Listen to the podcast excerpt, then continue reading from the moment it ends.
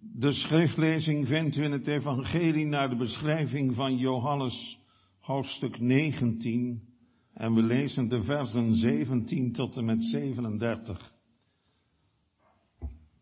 Johannes 19 vanaf vers 17 tot en met vers 37.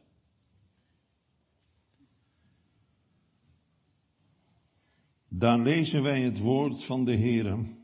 En hij, dragende zijn kruis, ging uit naar de plaats genaamd hoofdschedelplaats, welke in het Hebreeuws genaamd wordt Golgotha. Waar ze hem kruisten met hun twee anderen, aan elke zijde één, en Jezus in het midden. En Pilatus schreef ook een opschrift en zette dat op het kruis en er was geschreven, Jezus, de Nazarener, de koning der Joden. Dit opschrift dan lazen velen van de Joden, want de plaats waar Jezus gekruist werd, was nabij de stad. En het was geschreven in het Hebreeuws, in het Grieks en in het Latijn. De overpriesters dan der Joden zeiden tot Pilatus, schrijf niet de koning der Joden, maar dat hij gezegd heeft. Ik ben de koning der Joden. Pilatus antwoordde, wat ik geschreven heb, dat heb ik geschreven. De krijgsknechten dan, als ze Jezus gekruist hadden, namen zijn kleren en maakten vier delen voor elke krijgsknecht een deel en de rok.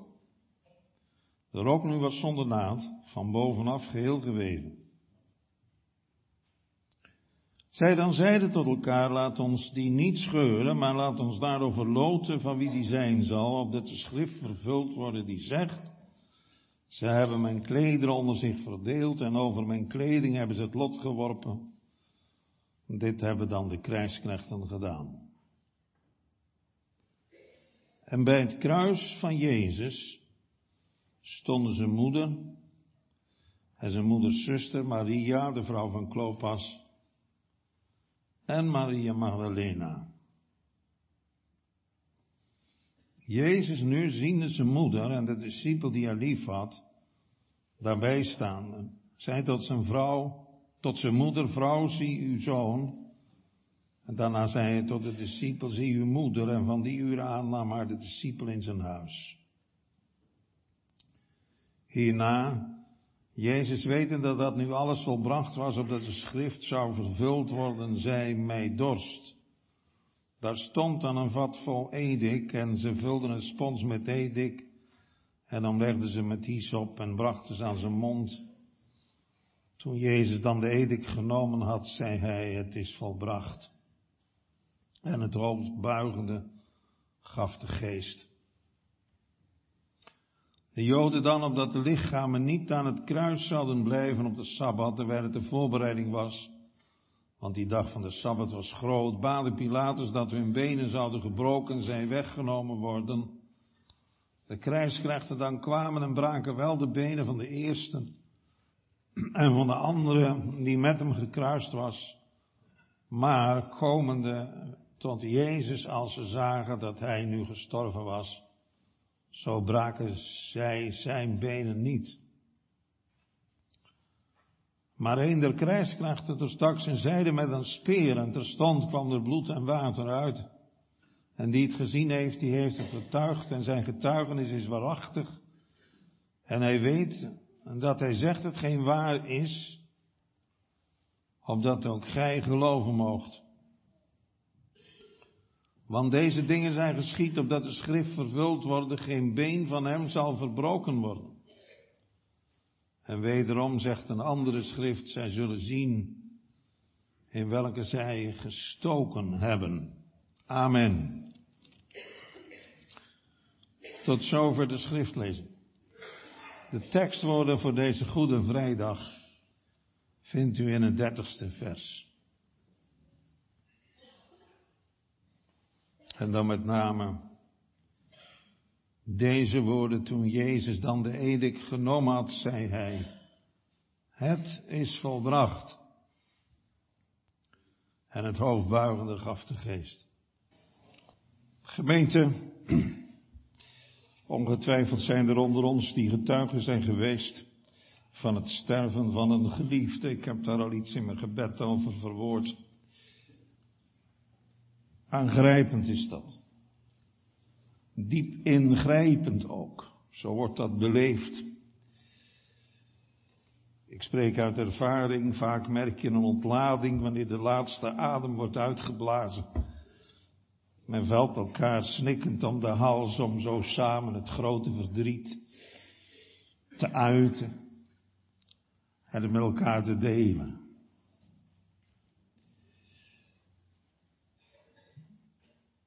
En dan gaat er vanmorgen iets heel bijzonders gebeuren. Want wat schenkt de Heilige Geest ons vanmorgen? Dat Hij ons brengt aan de voet van het kruis. En dan mag ik toch wel vragen, ook aan de kinderen en de jonge mensen, aan u allen. Laat ons beseffen dat we op heilige grond staan. Want wij zijn getuigen van het sterven van de liefste mens die er ooit heeft geleefd. De liefde van onze moeder, hoe lief ze ook was, kan hier niet tegenop. En de liefde van mijn vader ook niet. En de liefde van onze vrouw of onze man of ons kind of kleinkind ook niet. Want wat is er gebeurd daar op de kruisheuvel? Daar is de eeuwige liefde Gods in Christus Jezus geopenbaard. Want al zo lief heeft God de wereld gehad. Dat hij zijn enige geboren zoon gegeven heeft, letterlijk staat er dan overgegeven heeft. Tot in de dood des kruises, daar zijn we hier getuigen van. Daar sloeg dat op. Overgegeven heeft. Met maar één bedoeling. Want dan volgt een doelaangevende zin. Opdat. Waarom hangt hij hier te sterven? Opdat. Een ieder. En dan kijk ik u alle aan. En ik kijk ook naar mezelf. Opdat een ieder die in hem gelooft niet verloren zal gaan, maar eeuwig zal leven. En wat kun je daar nou tegen hebben? En dat eeuwige leven, dat krijgt hier en nu al gestalte. Dat is geen kwestie, dat komt nog. Nee, dit is het eeuwige leven. Dat wij u kennen de enige en waarachtige God. En uw zoon Jezus Christus, die gij hebt gezonden. De liefde van God in Christus geopenbaard. Met het sterven van onze vader of van onze moeder of van ons kind of man of vrouw. Dan sterft ook hun liefde van ons weg. Het is zo'n wonderlijk moment als de ziel uit het lichaam gaat. Je ziet het gebeuren en je merkt ook, direct, moeder is er niet meer. Daar ligt alleen nog maar haar lichaam. Moeder is er niet meer. Maar zo sterft Jezus niet. Moeder kan nooit geen liefde meer geven, uw man niet, uw vrouw niet, uw kind niet. Daar blijft liefde slechts over als een kostbare herinnering. En hoe kostbaar is dat? Vorige week droomde ik s'nachts dat ik mijn vader nog had in de, zeg maar in de kracht van zijn leven. En ik wist niet dat ik droomde. Nee, ik beleefde dat werkelijk. En ik werd wakker. En u mag het geloven of niet, maar ik heb er de Heer voor gedankt dat ik mijn vader had ontmoet. Ik hoorde zijn stem, ik zag zijn lachen. Alles wat herkenbaar was aan mijn vader, wat hem tot mijn vader maakte, dat beleefde ik in die nacht.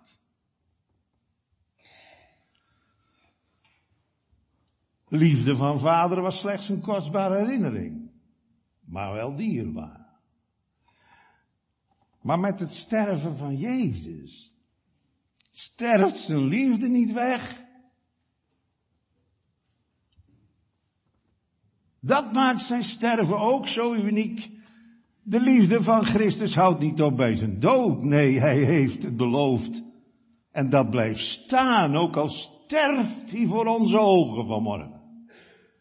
Ik heb u lief gehad met een eeuwige liefde. En daarom heb ik u getrokken met koorden van goedertierenheid. Daar kan geen dood of graf iets aan veranderen. Wat denkt u van Paulus in Romeinen 8, dat heerlijke zegenlied? Daar zegt hij dat hij verzekerd is dat nog dood, nog leven, nog engelen, nog overheden, nog machten, nog tegenwoordige, nog toekomende dingen, nog hoogte, nog diepte, nog enig ander schepsel ons zou kunnen scheiden van de liefde Gods, welk in Christus Jezus is. Hij heeft ons lief. Hij heeft ons lief gehad tot het einde toe, dat is wat zijn aardse bestaan betreft. Maar hij heeft ons lief met een eeuwige liefde.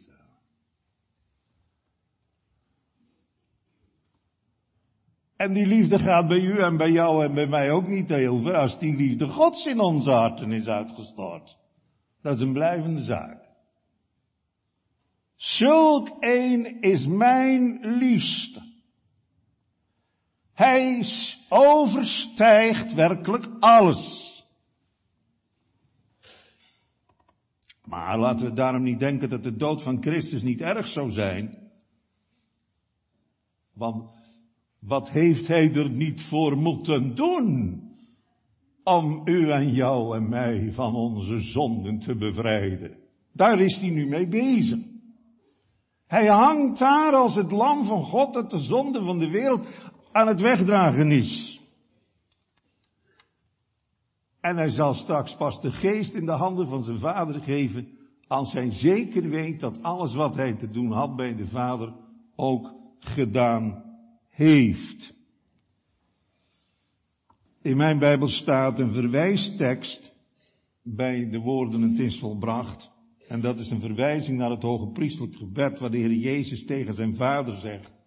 Het hoge priestelijk gebed dat Jezus in de paaszaal heeft gebeden. Daar zegt hij al, ziende op wat er staat te gebeuren, ik heb u verheerlijkt op de aarde. Ik heb voleindigd het werk dat gij mij gegeven hebt om te doen. Wat een geloof spreekt daaruit. Hè? Dan moet alles nog gebeuren, maar hij spreekt gewoon al in een voltooide tijd. Ik heb u verheerlijkt en ik heb voleindigd het werk dat gij mij gegeven hebt. Het eerste en het grootste wat Jezus dus hier aan het doen is, aan dat kruis, is God verheerlijken. Dat heeft hij ook al gezegd in de nacht tegen Nicodemus. Hè? Gelijk Mozes de slang in de woestijn verhoogd heeft, al zo moeten zo'n mensen verhoogd worden. In de, kruisiging, in de kruisiging ontmoeten we ook de verheerlijking van God. En daar heeft de zoon zichzelf geheel en al voor over gehad. Zie ik kom, o God, om u wil te doen. En zo verheerlijkt hij dus de hemelse vader op een volmaakte wijze door te doen wat God van hem vraagt. Hij heeft daar al eerder over gesproken, ook weer in die paaszaal. Dan zit Jezus, Judas is ontmaskerd als de verrader en die verlaten zaal en de duivel vaart in Judas. En dan zegt Jezus, nu is de zoon des mensen verheerlijkt en God is in hem verheerlijkt. Indien God in hem verheerlijkt is, zo zal ook God hem verheerlijken in zichzelf. En hij zal hem terstond verheerlijken. Het is verheerlijken, verheerlijken en nog eens verheerlijken. Niet alleen God verheerlijken, maar de Vader zal ook de Zoon verheerlijken.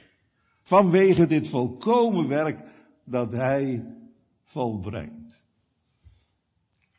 En daar zijn wij nou getuigen van. En laten we de Heer Jezus niet uit het oog verliezen.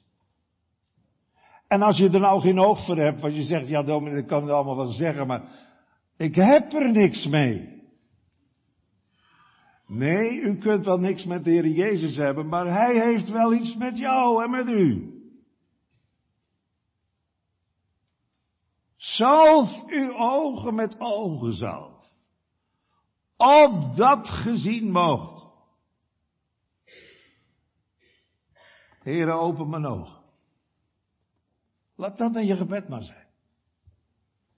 Omdat ik oog krijg op wat zich hier afspeelt. Op de kruisheuvel Golgotha. En dan vragen wij ons natuurlijk af, als dat zo centraal staat in dit alles, dat verheerlijken van God. Wat is dat verheerlijken dan? Nou, vanuit de grondtekst blijkt dat het woord verheerlijken betekent iemand de verschuldigde eerbied bewijzen. Het is God de eer geven. Dat is ook straks het laatste wat wij gaan doen als de preek beëindigd is. Mijn God, u zal ik eeuwig geloven, omdat gij het hebt gedaan. Verheft mijn ganse hart naar boven. Dat is God verheerlijkend. En daar is de Heer nou op uit. Want dan eren we zijn zoon in dat heerlijke verlossingswerk. En dan eren we de Vader in zijn verkiezend welbehagen. En dan eren we dus Heilige Geest, omdat Hij mijn ogen voor Hem heeft geopend. Zodat ik dat zingen mag met heel mijn hart. Zo mooi eigenlijk, hè. Want als Jezus geboren wordt, krijgt God ook al de eer. En de engelen zingen. Heere zij God. Prachtige lied. Wat wij ook nog steeds met kerst mogen zingen. En wat doen we het graag. Als het ere zijn God niet heeft geklonken, is het geen kerst geweest. Nee, want dan hebben we God niet verheerlijkt. En daar komt het op aan. Maar ook bij zijn dood komt het eraan, op aan. Dat God verheerlijkt wordt. Dat de Zoon verheerlijkt wordt. En de Heilige Geest. Nou, en ja, dan moeten we zeggen dat dat is nou niet iets waar we op zitten te wachten. Dat is niet eigen aan mijn natuur. Wij eren voetbalsterren en, en zangers en zangeressen. En weet ik wat voor mensen allemaal eer krijgen. Maar om nou de Heer Jezus te eren. Ja, daar moet echt een wonder voor gebeuren, want anders komt het er niet van.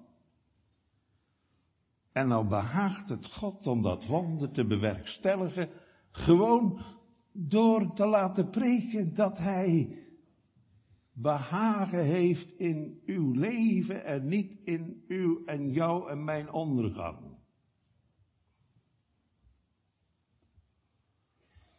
Ga maar eens bij de wereld vragen wat ze daarvan vinden. Dan lachen ze je uit. Maar als je dat met elkaar mag bespreken, dat wonder dat God naar ons omziet. En dat hij bewerkstelligt door de dwaasheid van de prediking. Want wat stelt het voor wat ik hier sta te doen? Dat het God nogthans behaagt om door de dwaasheid van de prediking zalig te maken hen die geloven. En al zal dat nou maar een kruimeltje zijn vanmorgen, dat is eeuwig genoeg. Al zou het maar een geloof zijn, als een mosterdzaadje. Maar de discipelen van Jezus, want dan kun je een kind van God zijn. En dan kun je meester nogthans tegenstaan in de weg naar het kruis. Als Jezus over zijn bitter lijden en sterven spreekt met zijn discipelen, dan is Petrus de woordvoerder, die zegt, het zal u geen zins geschieden, het zal niet En dan nog een keer, het zal niet gebeuren. En dan staat er bij en gelijk zeiden zij allen. Maar je ziet wel, het heeft geen plaats in ons leven. Tenzij de Heilige Geest er plaats voor maakt. En dat is, zo zeiden wij zojuist, precies wat er nou gebeurt onder de prediking van dit evangelie. Weet u wat die Heilige Geest gaat leren? Om op Hem te zien. Hij pakt je misschien wel zo vast en zegt, Gij heft mij het hoofd omhoog en doet me gunst aanschouwen. Zie nou toch op mij en word behouden, o alle geheinden der aarde, want ik ben God en niemand meer. Ja. We moeten op hem zien. Maar, maar zien en zien is twee, hè? Hoe kijken we naar hem? U hebt wel eens gehoord van de prins der predikers, Spurgeon. En die zegt, wanneer een duif over een landschap vliegt, ziet zij heldere beken en prachtige korenvelden. Maar wat ziet een gier als hij over datzelfde landschap vliegt? Nou, de kinderen weten het wel. Een duif kijkt naar graankorrels. Maar een gier, die kijkt naar een dood paard. Of een dode koe. Kortom, kadavers. Het is maar, zegt Spurgeon dan, waar wij belang in hebben. Hebben we belang in het leven? Of in de dood? Wie kiest over dwaasde voor het leven, de dood? Zijn wij om de Heer Jezus verlegen? Dan trekt die geest ons, zo heb ik het al verwoord, met koorden van goedertierenheid ons naar hem toe. Kijk maar naar hem. Hij vraagt geen medelijden hoor. Zoals die wenende vrouwen stonden te huilen op weg naar het kruis. Nee, dan krijgen ze het uit de mond van Jezus te horen, vreemd niet over mij, maar over uzelf en over uw kinderen.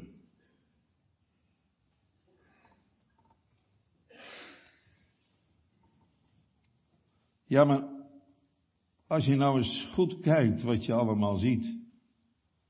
Want Jezus hangt er niet alleen. Hij hangt nog tussen twee misdadigers in ook, moordenaars.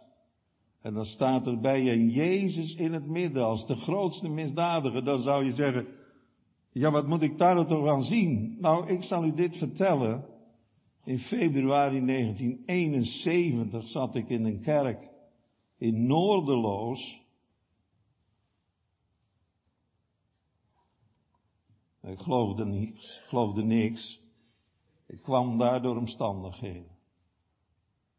En daar preekt een dominee over deze teksten, Jezus in het midden. En daar opent de Heilige Geest mijn ogen. Dus onderschat het niet hoor, wat er gebeurt onder de prediking. Hij maakt van dood leven. Hij heeft de woorden van eeuwig leven.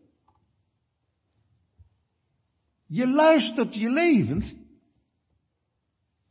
Of je luistert je rampzalig. Dat kan ook.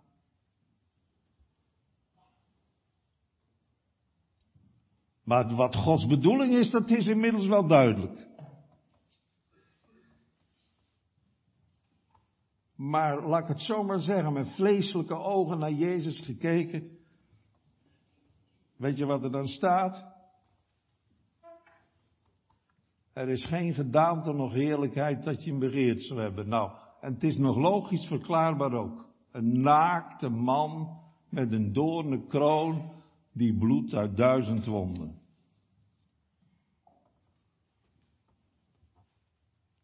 Maar dan komt de Heilige Geest.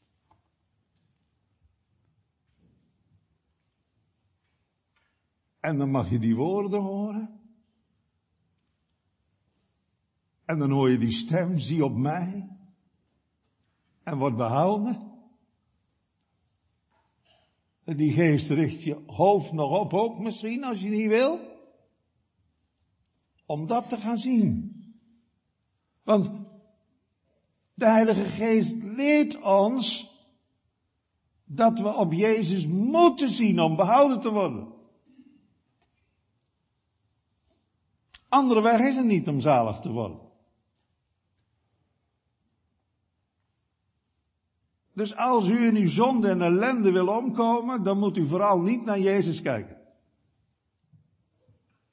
Dan bent u zeker van uw ondergang. Maar als u behouden wil worden, o alle gij der aarde, een breder veld kan het toch niet gepreekt worden. Kan dus niemand meer zeggen, het is, het is niet voor mij. Dat zegt de duivel. Die zegt het wel, natuurlijk, het is niet voor jou. Kom nou. Dat weet je zelf ook niet wel, dat het niet voor jou kan zijn. Nee, de Heilige Geest zegt het is voor jou. Want Jezus is niet gekomen om rechtvaardigen, maar zondaar te redden. En daar is hij nu mee bezig. Want hij draagt hier, zo hebben we beleden met zondag 15, de toorn van God over het ganse menselijke geslacht weg.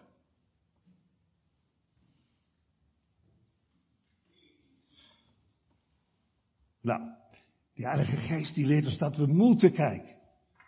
Het is noodzakelijk dat. Maar die Heilige Geest leert ook wanneer we moeten kijken. Nu.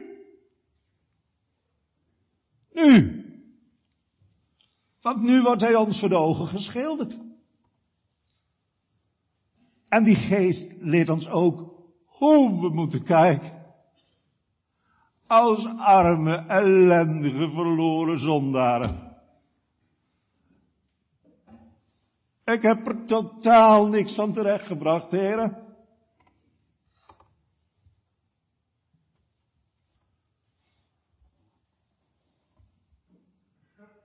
En hij leert ons ook dat we mogen kijken, want dat is vaak ook een struikelblok hè, voor mensen.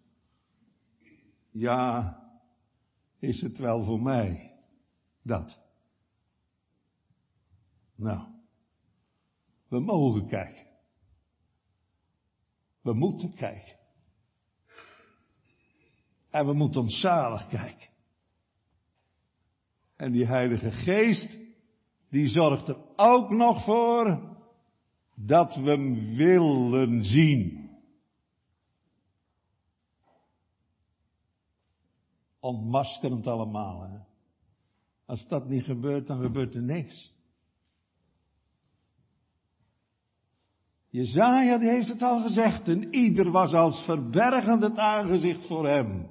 Is wat, hè? Dan wordt de Christus je voor ogen geschilderd. Op alle mogelijke manieren wordt je opgeroepen om op hem te zien. En dan, een ieder was als verbergend het aangezicht voor hem. Ik vind dat gewoon ijzingwekkend.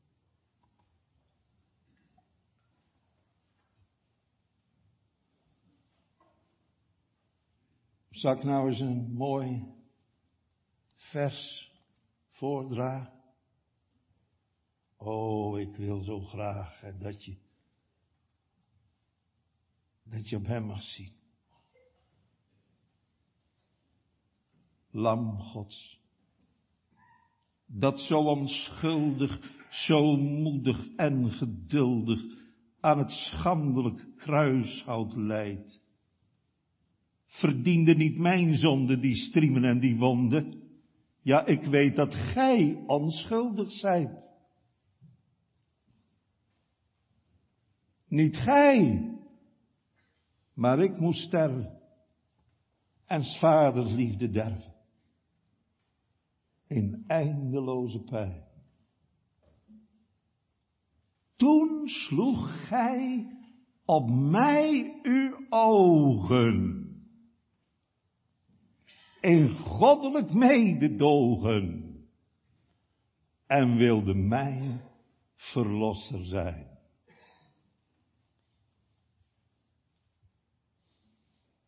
Nou, zalig de mens die nou zo mag schuilen aan de voet van het kruis. En die met dit kruis niet meer weg kunnen komen, omdat nou uit die wonden dat bloed vloeit, dat reinigt van al mijn vuile zonden. Hier gebeurt iets.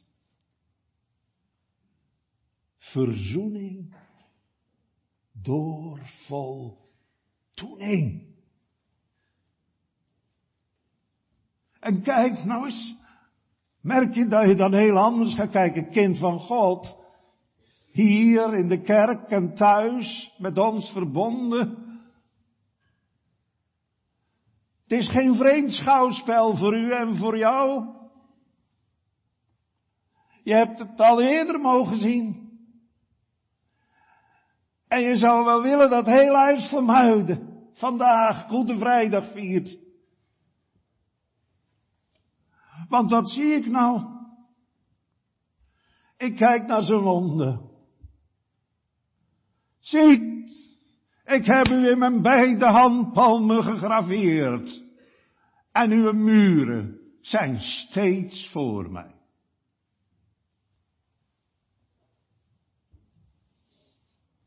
Ik zie zijn voeten. Wat hebben ze gelopen om wel te doen? Hoe lieflijk zijn de voeten van degene die het goede boodschap. Dat is nou zijn leven toch getekend geweest.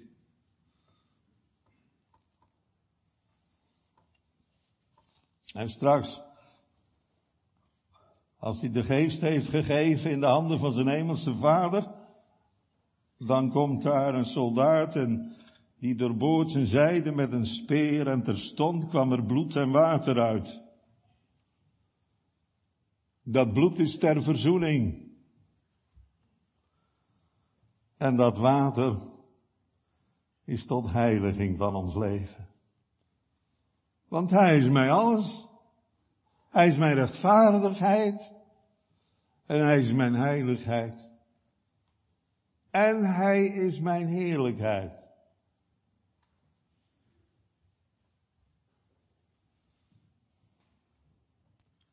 Nou, zijn hart is geopend op Golgotha. Daarom heb ik laten zingen, wees mij een schuilplaats om in te wonen. Eeuwig veilig, want wie in de schuilplaats van de Allerhoogst is gezeten, die zal vernachten in de schaduw des Almachtigen. Ik was predikant in Dordrecht en ik bezocht een oud kind van God, 92 jaar oud. Een vrouw die veel van de Heere geleerd had, grote kennis had. En ik vroeg hoe het met haar was. En toen zei zij, dominee, ik mag als een duis schuilen in de doorboorde zijde van Christus. Ik wist niet wat ik hoorde. Ik wist niet wat ik hoorde.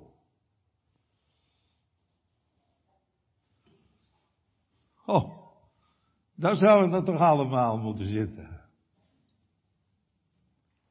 Veilig aan Jezus hart.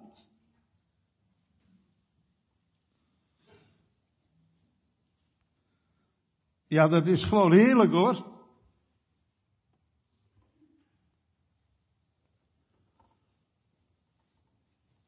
Kom in mijn hart, zing het maar nu. Kom in mijn hart. Heere Jezus. De schepping is op het schitterend. Je weet niet wat je ziet, zo mooi. Al die bomen en struiken in de bloei of zo mooi fris en groen. En dan die rivieren die en die sloten die daar lopen. De ganse schepping, zegt de Bijbel, is van zijn heerlijkheid vol.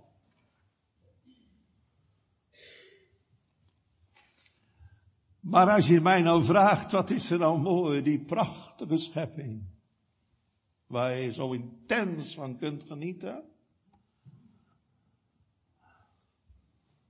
Of het zien op Jezus. Nou dan, ja, dan hoef ik niet lang na te denken.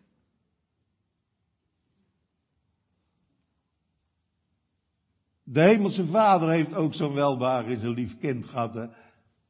En de vader die wil dat wij op hem zien. En dat we naar hem luisteren. Als hij op de berg der verheerlijking is, waarover dit lijden en sterven wordt gesproken, over zijn uitgang.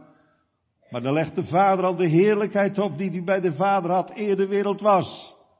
Hij laat hem al zien, mijn kind, daar gaat het naartoe. Door lijden tot heerlijkheid. Je zult nog door diepe dalen heen gaan, maar hier gaat het heen. En Jezus heeft dat onvoorwaardelijk geloofd. Dat hebben we gezegd al, in de paasal. Gij hebt mij verheerlijkt. En deze is mijn geliefde zoon in welke ik mijn welbehagen heb. Hoort hem.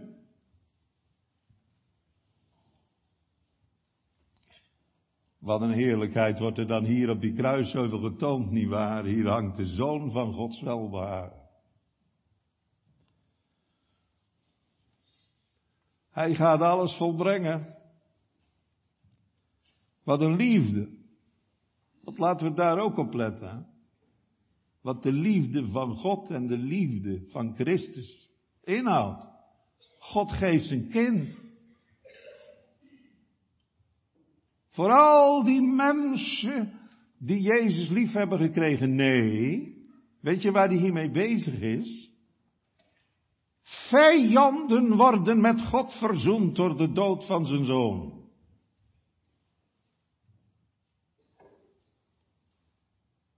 Christus is te zijne tijd voor de goddelozen gestorven, zegt Paulus. Toen we nog vijanden waren. Geweldig. Dat is evangelie. Dat is om blij van te worden. Dat is om de sterfdag te vieren. Dat is om God te verheerlijken. Maar ondertussen geeft de vader wel zijn kind. En ondertussen geeft de zoon wel zijn leven. En hoe? Nog even. We zullen hem uit horen schreeuwen. Mijn God, mijn God, waarom hebt gij mij verlaten?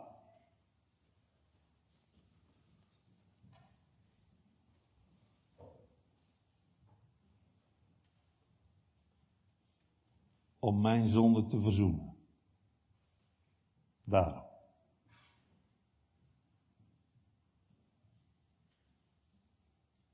Drie uur in de inktzwarte duisternis. Geen enkel contact meer. Nedergedaald ter helle.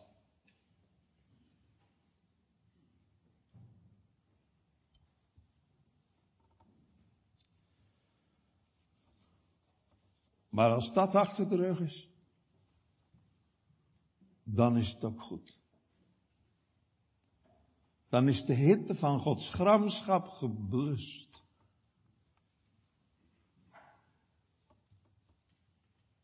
Wat heeft hij dan allemaal volbracht?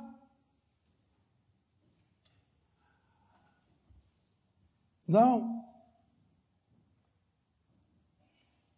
hij heeft de heilige wet volkomen vervuld. Hij heeft nooit geen zonde gehad of gedaan. Dat heeft hij volbracht gehoorzaam geweest tot het einde toe. En wij struikelen dagelijks in wegen. Nou, zo'n zaligmaker hebben wij nou nodig. Die voor mij de wet heeft volbracht. Omdat ik er niks van terecht breng.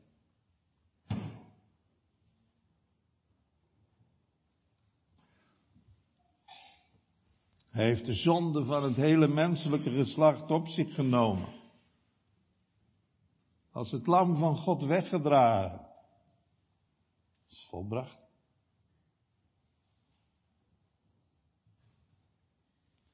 Hij heeft de straf op de zonde gedragen.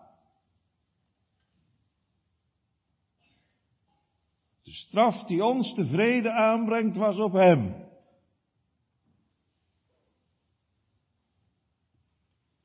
Het helse oordeel is over hem voltrokken.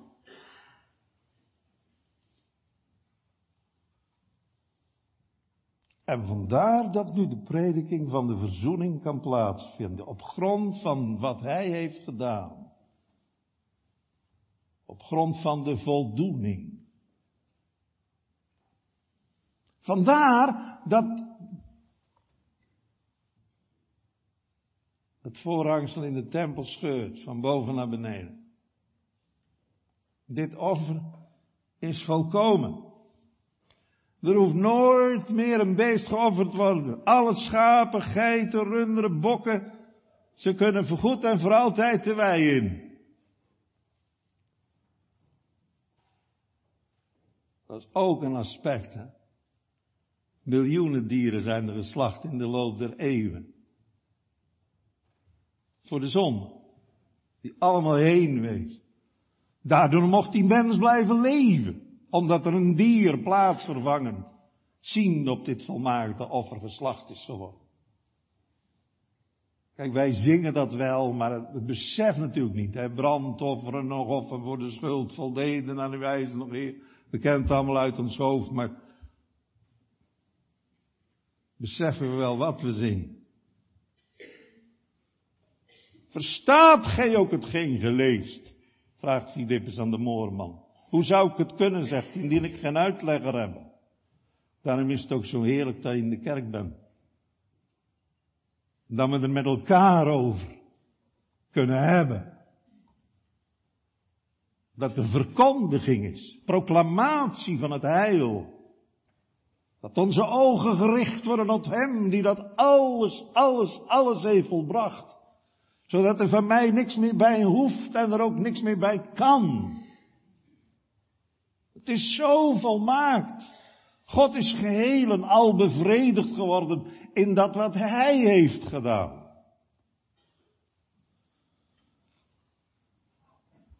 Het hoge priestelijk gebed is verhoord. Ik heb u verheerlijkt op de aarde door het werk te voleindigen dat gij mij te doen hebt gegeven. Dat bad. En dat is nu gebeurd. Vandaar, het is volbracht. En nou buigt hij zijn hoofd en hij geeft de geest. Wij sterven omdat we sterven moeten. Maar Jezus sterft omdat hij sterven wil. Ik heb macht mijn leven af te leggen, zegt hij. En ik heb macht het wederom op te nemen. Nou, hier is het moment dat hij zegt, vader, nou is het genoeg geweest. Ik geef mijn geest in uw handen. Dat is gewoon een psalmwoord, het psalm 31, we hebben het samen gezongen. Die kruiswoorden, die zien ook op de psalm.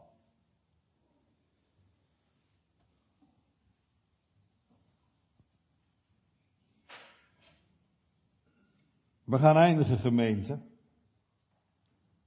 Wij zijn het sterven geweest van onze oudste broeder vanmorgen.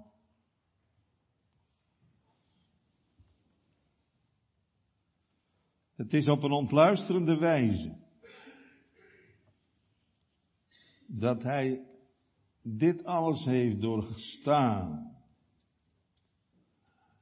Maar dit alles is nou geschied opdat het ons niet zou overkomen.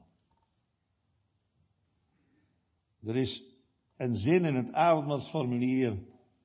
Het is werkelijk een gouden klein, ja dat is het hele formulier, maar die springt er echt uit dit deed ik voor u, daar gij anders de eeuwige dood zou moeten sterven.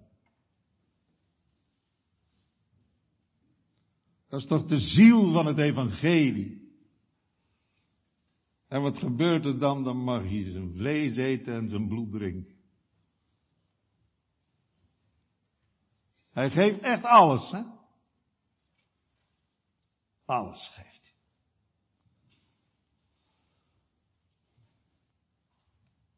Ik ga eindigen met wat Spurgeon zegt.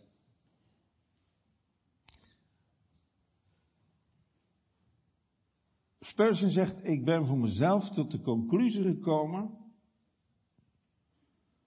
als ik omkom, zal ik omkomen terwijl ik in Jezus geloof. Als ik verloren moet gaan, zal ik verloren gaan terwijl ik me aan het kruis vastklem.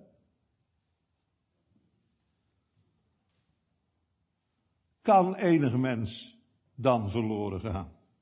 Nee, want we weten dat niemand die tot Christus komt zal omkomen. Want dat zal de naam van de zaligmaker grotelijks te schande maken. Want gij zult zijn naam heten Jezus. Want hij zal zijn volk zalig maken van al hun zon. God verheerlijkend, mijn God. U zal ik eeuwig loven. Omdat gij het hebt gedaan. Ik verwacht uw trouwe hulp van boven. Uw waarheid zal bestaan. Uw naam is voor het oprecht gemoed van al uw gunstvolk goed. Amen.